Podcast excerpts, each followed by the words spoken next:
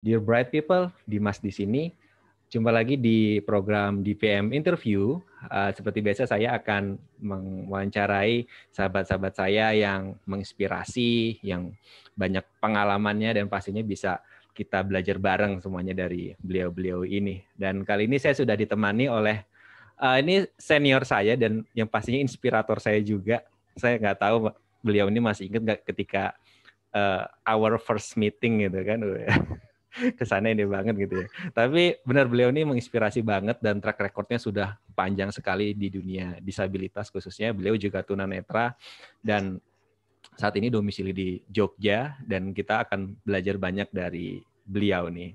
Oke nggak usah banyak uh, kata langsung saja please welcome Mas Muhammad Joni Yulianto. Halo Mas Joni assalamualaikum Halo, Waalaikumsalam. Apa kabar Mas Joni? banget di wawancara Dimas ini. Baik sekali.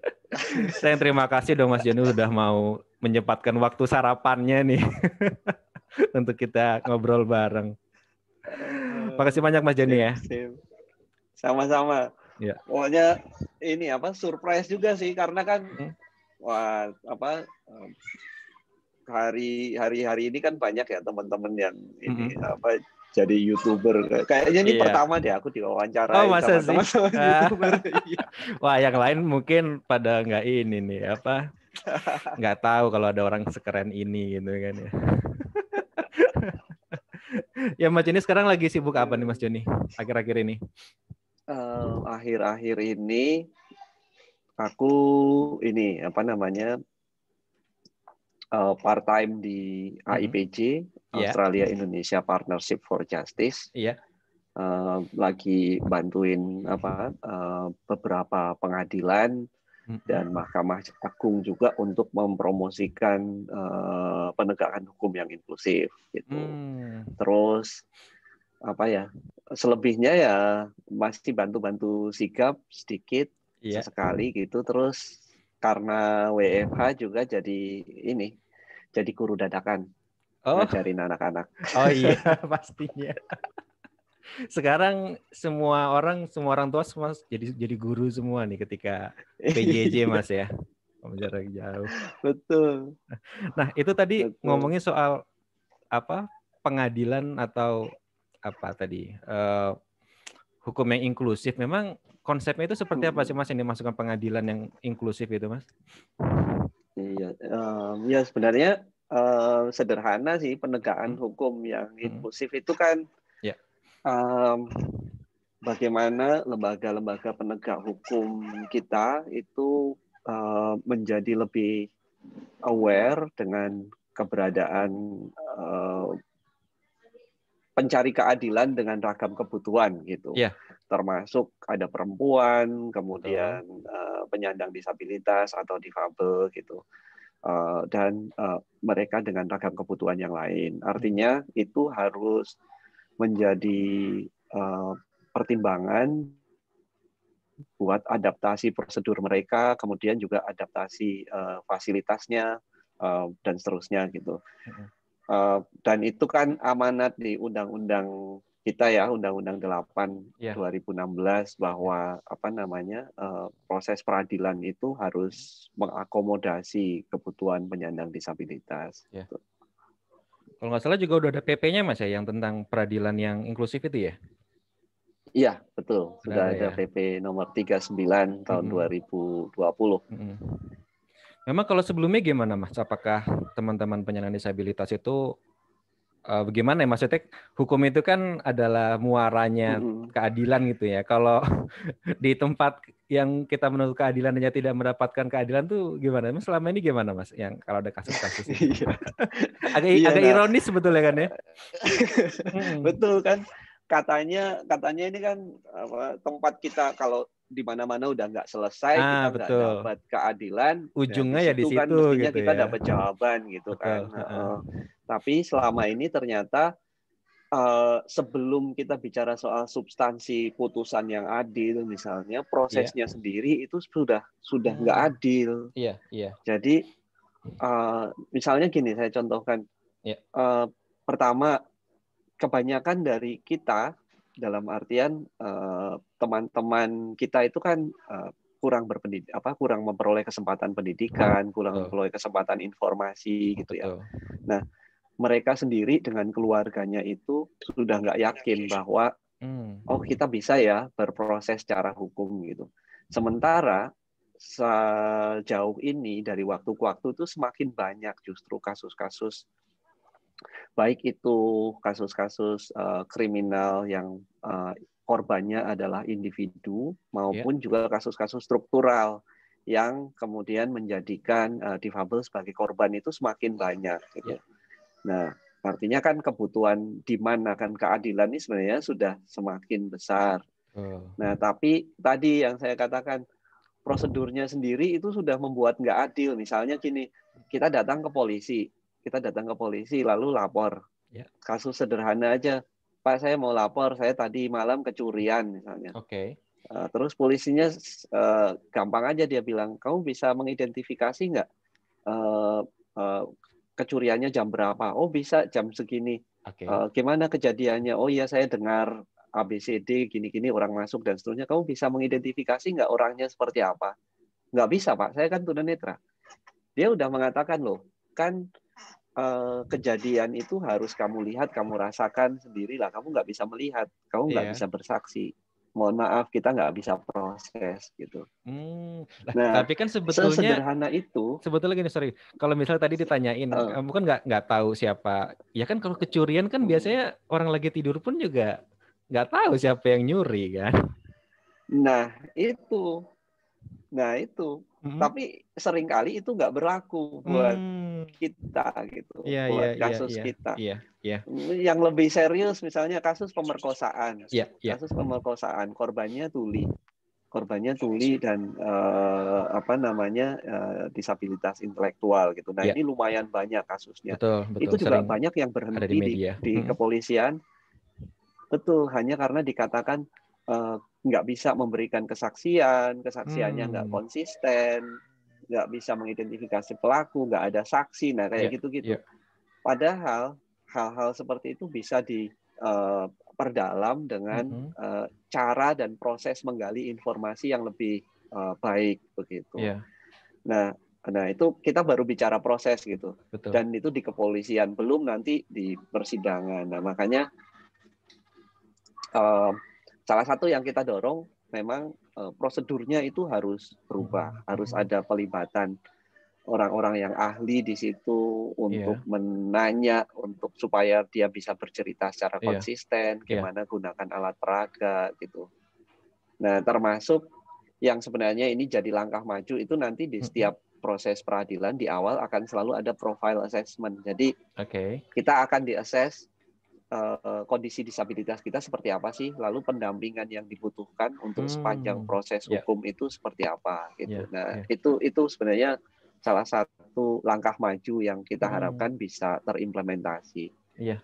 Dan gitu. dari prosedur itu akhirnya ber apa membentuk mindset penegak hukum yang salah tadi itu Mas jadinya ya. Betul, betul. Karena prosedur itu.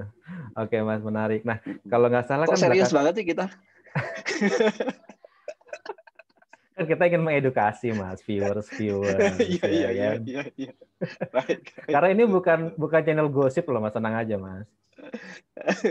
Atau ngeprank gitu enggak. Kita nggak nggak ada prank-prankan di sini ya. Jadi viewers nggak apa-apa dikit yang penting yang nonton insya Allah tercerahkan gitu ya. Ya Mas Joni kan belakangan banyak, saya banyak. ya baca-baca nih Mas Joni kayaknya ada di seleksi ombudsman tuh mas. Nah, iya. Itu gimana mas kabar sejauh ini seperti apa mas? Sudah sampai mana itu mas? Uh, iya betul. Jadi hmm. uh, prosesnya kan mulai sejak bulan Juli lalu ya. Hmm. Uh, awalnya tes administrasi, seleksi administrasi. Yeah. Uh, saya lolos di sekitar 400 orang, kemudian okay ada uh, tes tertulis alhamdulillah lolos lagi mm -hmm. uh, menjadi 290 sekian gitu okay. kemudian lanjut ke uh, profile assessment dan tracking masyarakat nah uh, pengumumannya kira-kira bulan lalu itu uh, saya lolos uh, ke 22 uh, calon. Nah, yeah. Jadi sekarang uh, posisinya sedang di 22 calon. Oke. Okay. Nah, besok ini mau wawancara dengan Pansel oh, untuk diambil best. 18. Ah.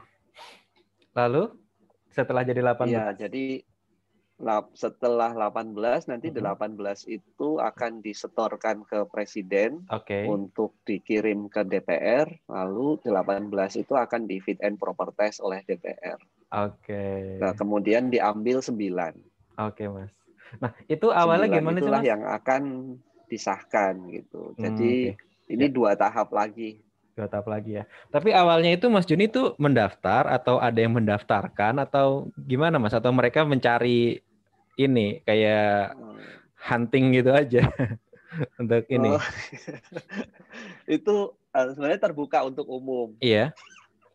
Terbuka untuk umum. Lalu hmm. saya sebenarnya nggak ada niat untuk mendaftar waktu hmm. itu. Hmm. Uh, bahkan nggak kepikiran gitu. Tahu yeah. sih ada seleksi ori gitu. Bahkan yeah. sempat diundang uh, sama teman untuk eh ikut dong webinar ini webinar sosialisasi uh, pendaftaran ori gitu. Oke. Okay. Lalu saya ikut memang, cuman pada saat ikut itu nggak ada sama sekali anu nggak ada sama sekali keinginan untuk daftar. Iya. Yeah. Nah cuman sesudah itu beberapa kawan itu mm -hmm. banyak yang capri bilang masa sih dari kita nggak ada gitu kayaknya sudah waktunya deh yeah. Ya. uh, dari teman-teman di Wabel juga masuk uh, mencoba gitu. Um, terus saya saya ya bilang iya aja bagus gitu. Uh, terus? Cuman akhirnya beberapa teman terus uh. ya maksudnya iya itu kita nyuruh kamu untuk mendaftar gitu.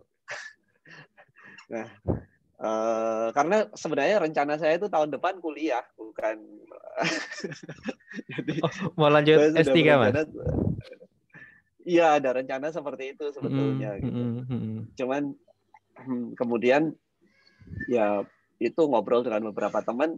Salah satu teman itu ini apa namanya nakal banget dia jadi yeah, dia yeah. bilang kalau emang kalau kuliah itu banyak ya manfaatnya buat orang ya gitu.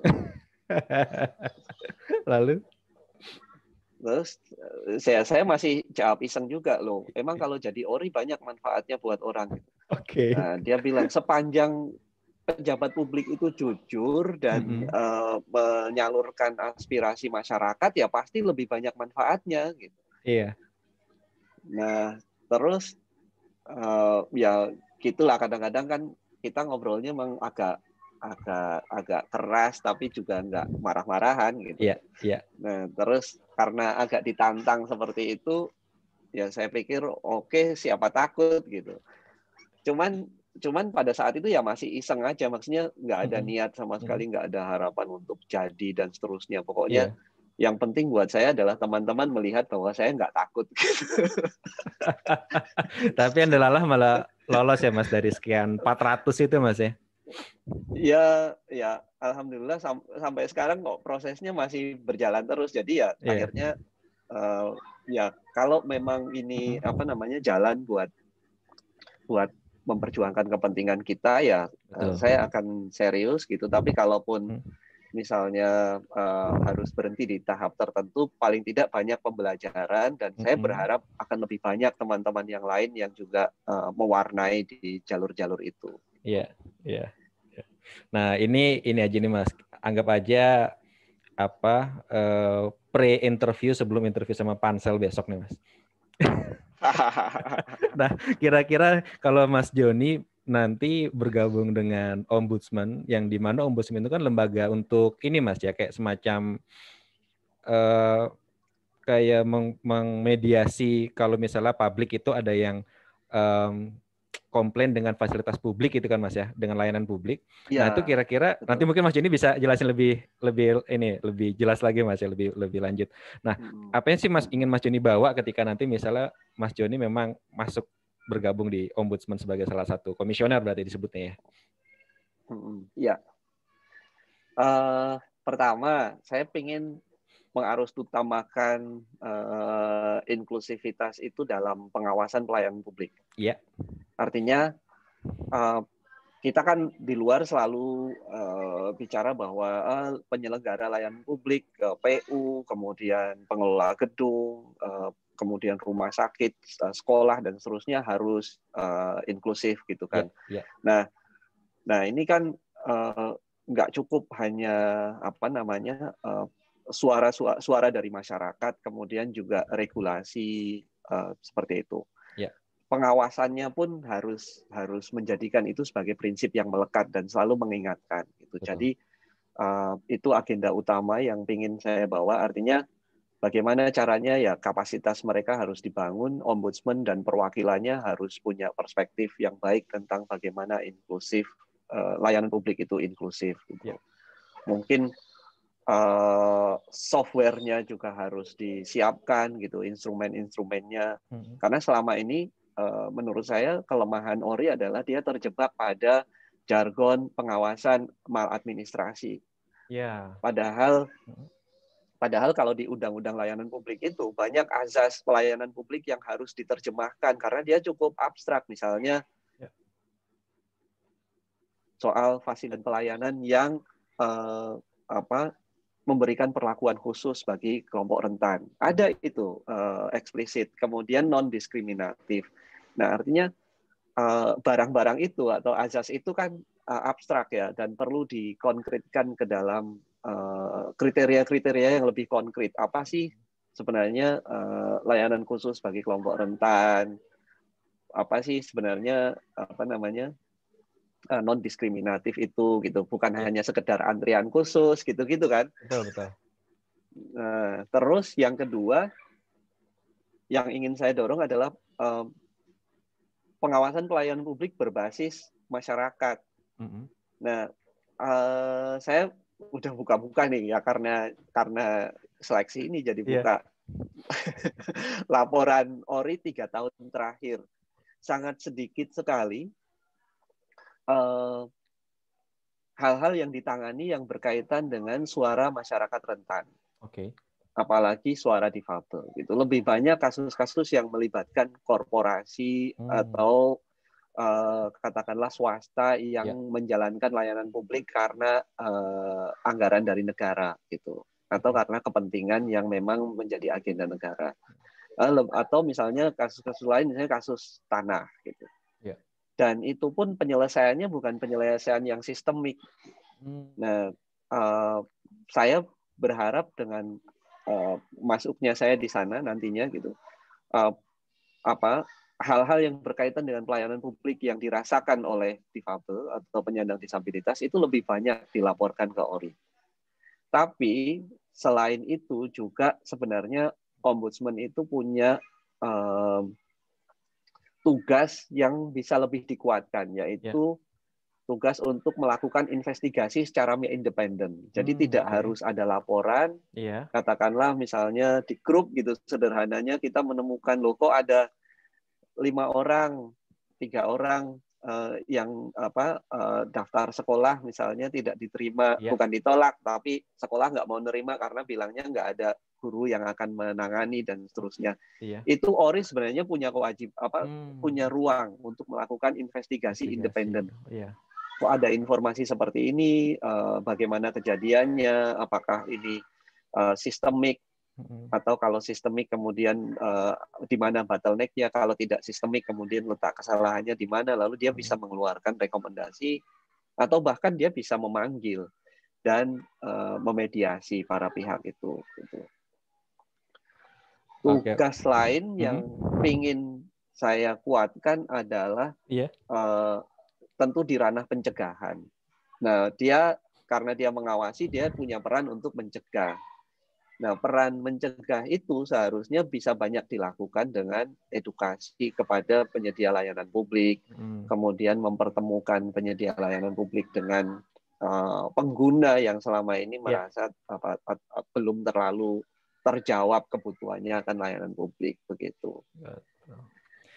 Kira-kira karena Mas Joni kan tadi awalnya berawal dari iseng ditantang terus sudah tercemplung nih Mas hmm. sudah masuk ke proses. Seberapa yakin sih Mas Joni bakal terpilih nanti jadi sampai tahap akhir Mas? Oh yakin dong. Yakin, yakin ya? Yakin dong. Yakin. Yakin. Kayaknya dari dari tadi apa penjelasan Mas Joni saya juga yakin insya Allah. Oke Mas Joni. Mas Joni, Mas Joni. Uh, saya ada rapid test nih Mas, sedikit Mas. Ya, oh, tapi nggak perlu dites ini loh, nggak perlu tes darah ya, cuma pertanyaan aja kok. Ya. Jadi kick answer aja.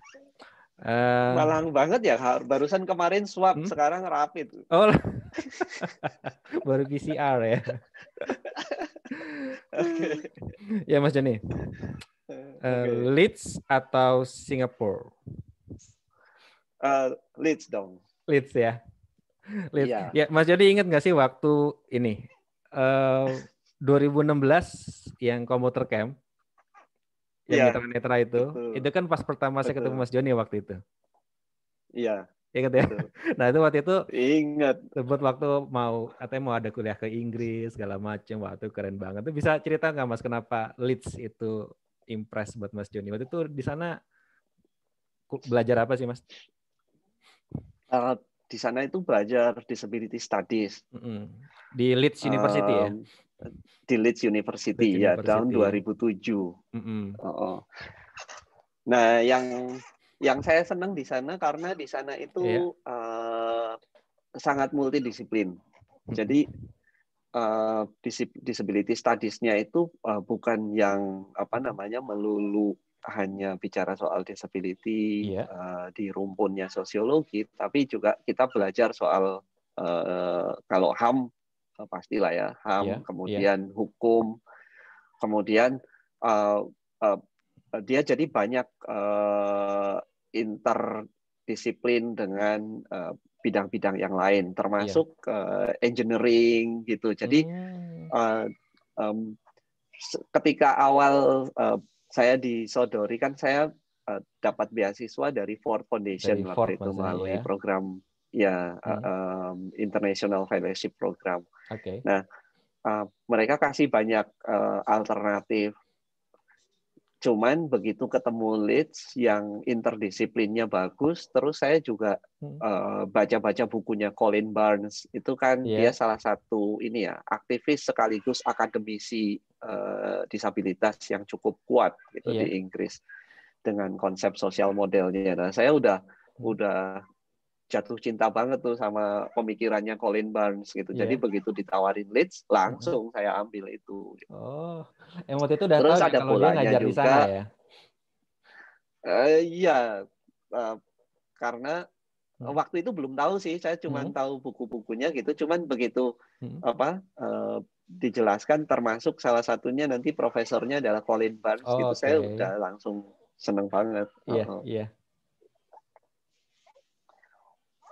Ya, jadi uh, di tapi di Leeds waktu itu berapa lama, Mas? Uh, setahun apa dua tahun master ya? Setahun. Oh, setahun ya. Memang kalau di UK itu memang yeah. setahun ya dari dulu masternya ya.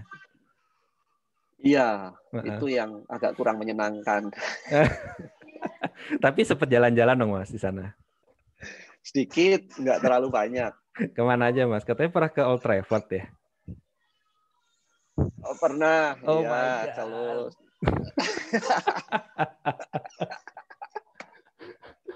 Terus ya kalau kota-kota sekitar mah hmm. anu ya apa namanya hampir tiap bulan karena yeah. Iya. uh, PPI kan lumayan hmm. uh, aktif di yeah. Inggris gitu. Yeah. Kemudian uh, beberapa yang jauh juga apa hmm. namanya uh, ya Scotland gitu. Iya, iya. Uh, London, ya.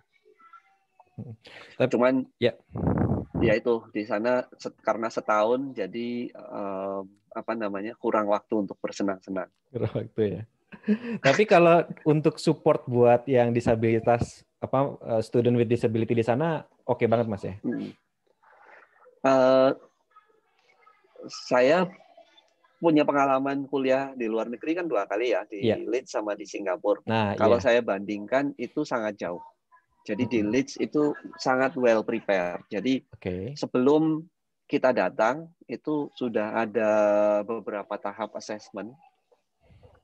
Dan assessmentnya itu dari awal mereka sudah katakan ini bukan untuk uh, menyaring atau menyeleksi uh, proses admission, mm -hmm karena proses admission itu sudah sudah lewat prosedur reguler.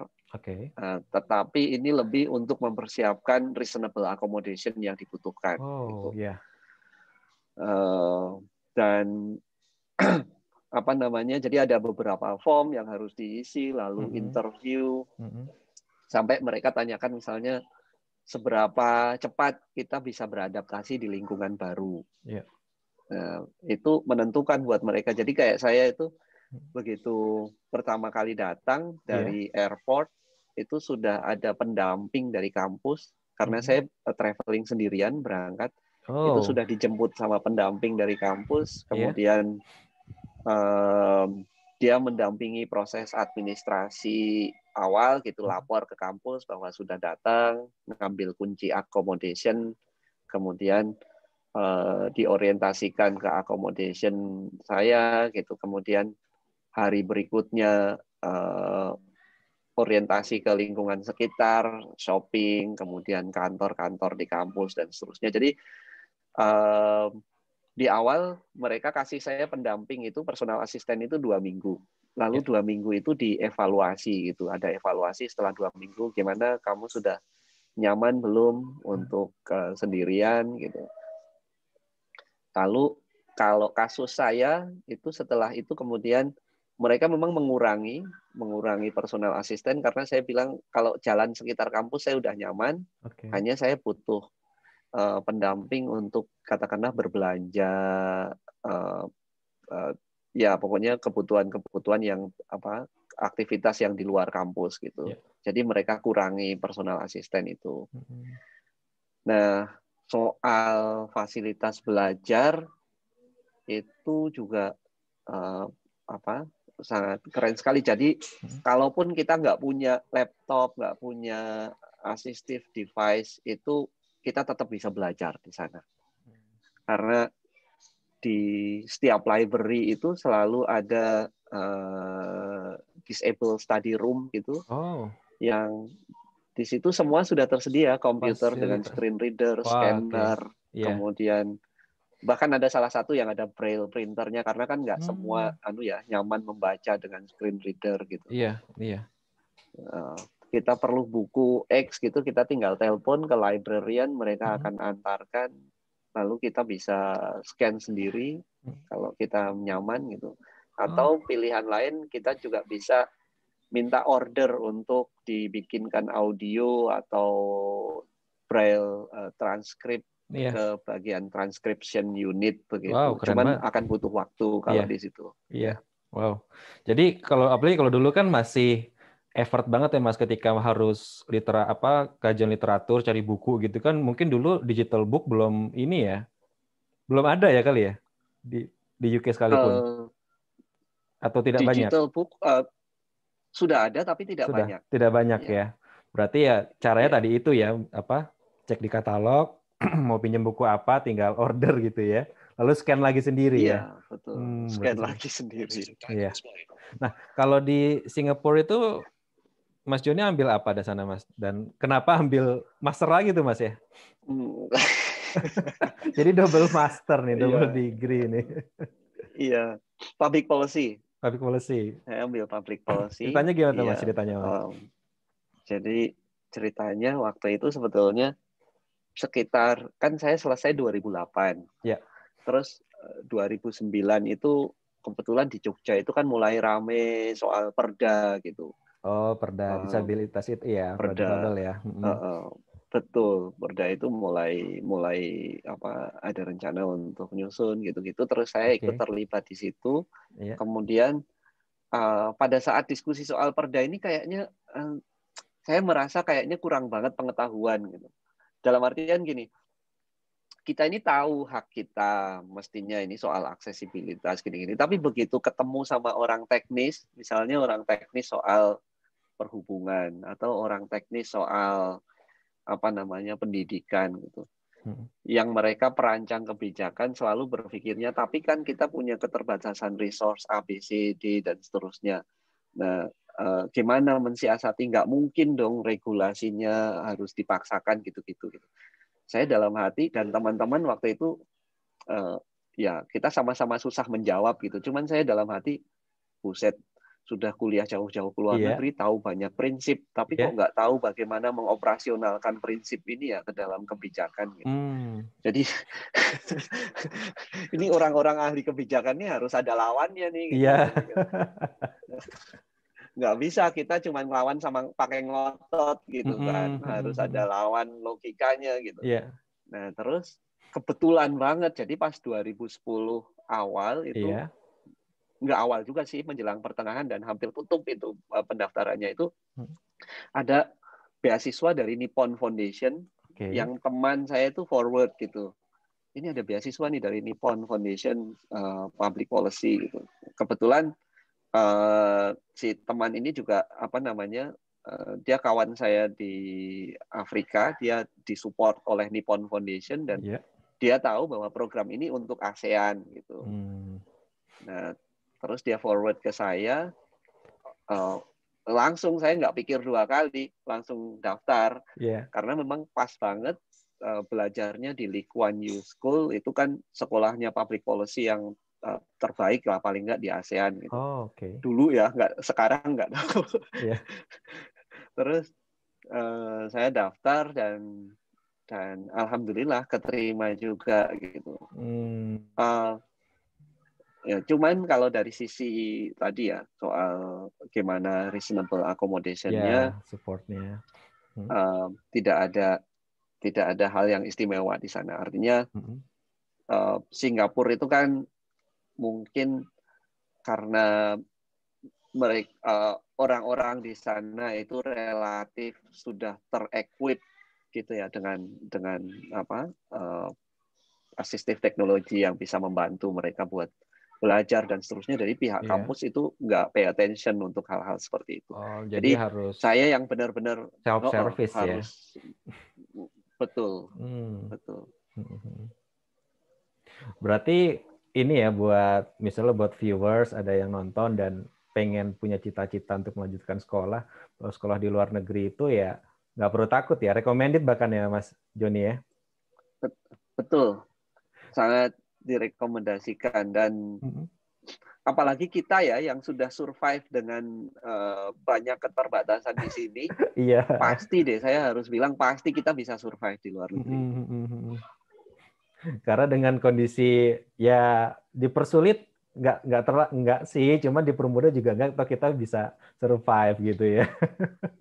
Ya betul. betul, Oke Mas Joni. Nah Mas Joni ada lagi nih. Mas Joni kan uh, okay. salah satu founder juga dari Sigap ya. Nah, itu kan juga kayaknya oh. banyak fokusnya itu kan ke teman-teman disabilitas yang di desa, apalagi ada temu inklusi itu Mas ya. Nah, nah kenapa sih Mas kok fokusnya yeah. ke ke sana ya, ke masyarakat desa gitu kan? Padahal mungkin jumlah disabilitas mungkin lebih banyak di perkotaan, ya nggak sih Mas? Hmm, kalau saya bilang sih Gunung Es ya. Gunung Es ya. Jadi uh, di di perkotaan itu kelihatan banyak karena karena dia yang muncul gitu. Uh, kemudian pergerakannya juga relatif lebih mudah. Nah di desa itu sebaliknya uh, apa namanya nggak um, banyak ruang untuk um, mereka muncul, kemudian nggak banyak ruang untuk bergerak gitu. Jadi uh, waktu kami mulai berfokus di desa itu sebenarnya pertama pokoknya harus melakukan sesuatu yang berbeda yeah. dan uh, belum banyak dikerjakan gitu hmm, kalau soal yeah. desa kan nggak ada yang ngerjakan betul uh, kemudian juga uh, uh, sebenarnya salah satu alasan lain juga kita ingin membangun image bahwa uh, mengadres disabilitas mm -hmm. dengan aksesibilitas, dengan reasonable accommodation dan seterusnya itu tidak harus dimulai dari uh, daerah yang yang lebih maju, okay. tidak harus dimulai dengan resource yang banyak, dengan uh, sumber daya atau uang yang besar, dengan sesuatu yang mahal-mahal dan seterusnya gitu. Yeah. Jadi uh, aksesibilitas itu nggak harus mahal, dia bisa murah, dia pakai bisa pakai produk lokal dan seterusnya gitu. Yeah. Uh, termasuk uh, dan dan waktu itu momentumnya kebetulan dapat karena undang-undang desa kan 2014 disahkan oh, yeah. ya betul. dan dan uh, kita melihatnya dengan undang-undang desa itu uh-huh. banyak celah buat uh, mengintervensi resource yang akan datang ke desa itu supaya lebih berpihak ke masyarakat. Gitu. Ya. eh, ke situ Mas Juni ya. Berarti ada ada peluang di undang-undang desa, lalu juga ini juga masih belum banyak yang menyentuh ya. Belum menyentuh akhirnya Mas Juni dan kawan-kawan fokus ke situ ya. Iya. Oke. Oke Mas Joni, ini seru banget pembicaraannya dan mungkin sedikit nih yang bisa saya simpulkan dan mungkin teman viewers juga ini bahwa Mas Joni ini orangnya istiqomah banget nih di perjuangannya ya. Jadi berawal dari apa memperjuangkan isu disabilitas, lalu juga kuliah pun juga kuliah sampai keluarga bukan buat gaya-gaya ya, tapi emang cari ilmu dan untuk diterapkan kembali gitu ya. Dan mudah-mudahan ini juga bisa menginspirasi nih buat viewers dan khususnya juga buat saya pribadi nih. Jadi uh, tetap semangat buat cari beasiswa buat keluar negeri. Oke, iya, Mas Joni. Ayo, kamu kapan? Ya, saya udah lamar, Mas. Cuman gara-gara pandemi pengumumannya nggak keluar-keluar. saya juga lah. pengen pengennya ke ke UK juga, cuman ya gimana UK setahun gitu kan. Terus ya udah cari Australia dulu deh yang deket dulu. Oh, oke. Okay. Mas S3 rencananya ke mana, Mas? Ya. Uh, tadinya pengennya ke Australia. Iya. Uh, uh, terus apa namanya? Ya ya ini nanti harus ke gantung dulu nih. Oh, oh berarti udah apply juga kemarin? uh, belum. Oh, belum. Belum. Jadi saya uh, sebenarnya mempersiapkannya tahun depan untuk apply okay. gitu. Oke. Okay. Uh, jadi mungkin berangkatnya katakanlah tahun depannya misalnya kalau oh, lolos gitu kan. Iya. Ya. Rencananya ambil apa mas? Rencananya sekarang agak berbelok. Um, saya sih apa namanya lebih hmm. apa pingin memperdalam uh, apa uh, legal studies ya. Jadi hmm. dari hukumnya apa namanya meskipun ya nggak linier, iya, iya, iya. jadi gaduh-gaduh gitu. Iya. Tapi uh, saya sangat tertarik dengan uh, apa uh, law ya dengan legal studies mm -hmm. untuk uh, sebenarnya uh, uh, karena agenda saya kira agenda reformasi peradilan di Indonesia untuk memasukkan disabilitas lebih dalam yeah. uh, itu butuh butuh banyak uh, keilmuan yang harus yeah. mewarnai yeah. gitu. Betul. Uh. Oke, okay. keren Mas Joni. Semoga lancar lah nanti dan semoga pandemi cepat berakhir agar kita bisa melanjutkan eh, cita-cita kita. Iya nih. betul betul. Oke Mas Joni, makasih banyak Mas ya sudah berbagi hampir satu jam nih nggak terasa. Siap. Ya sukses selalu Mas Joni ya. Salam buat teman-teman ya. Sigap. Terima kasih, sukses juga ya Dim. Sama-sama, makasih Mas. Thank you Mas. ya, dear brave people itu dia tadi perbincangan saya dengan Mas Joni Yulianto sangat menginspirasi sekali dan semoga kita semua khususnya buat saya pribadi bisa mengambil banyak pelajaran dari perbincangan kita kali ini ya. Jangan lupa di like buat yang suka, lalu subscribe untuk yang belum dan di share ke semakin banyak orang biar lebih banyak lagi yang dapat inspirasinya. Oke, makasih sampai jumpa lagi di wawancara wawancara saya dengan tokoh-tokoh berikutnya. See ya.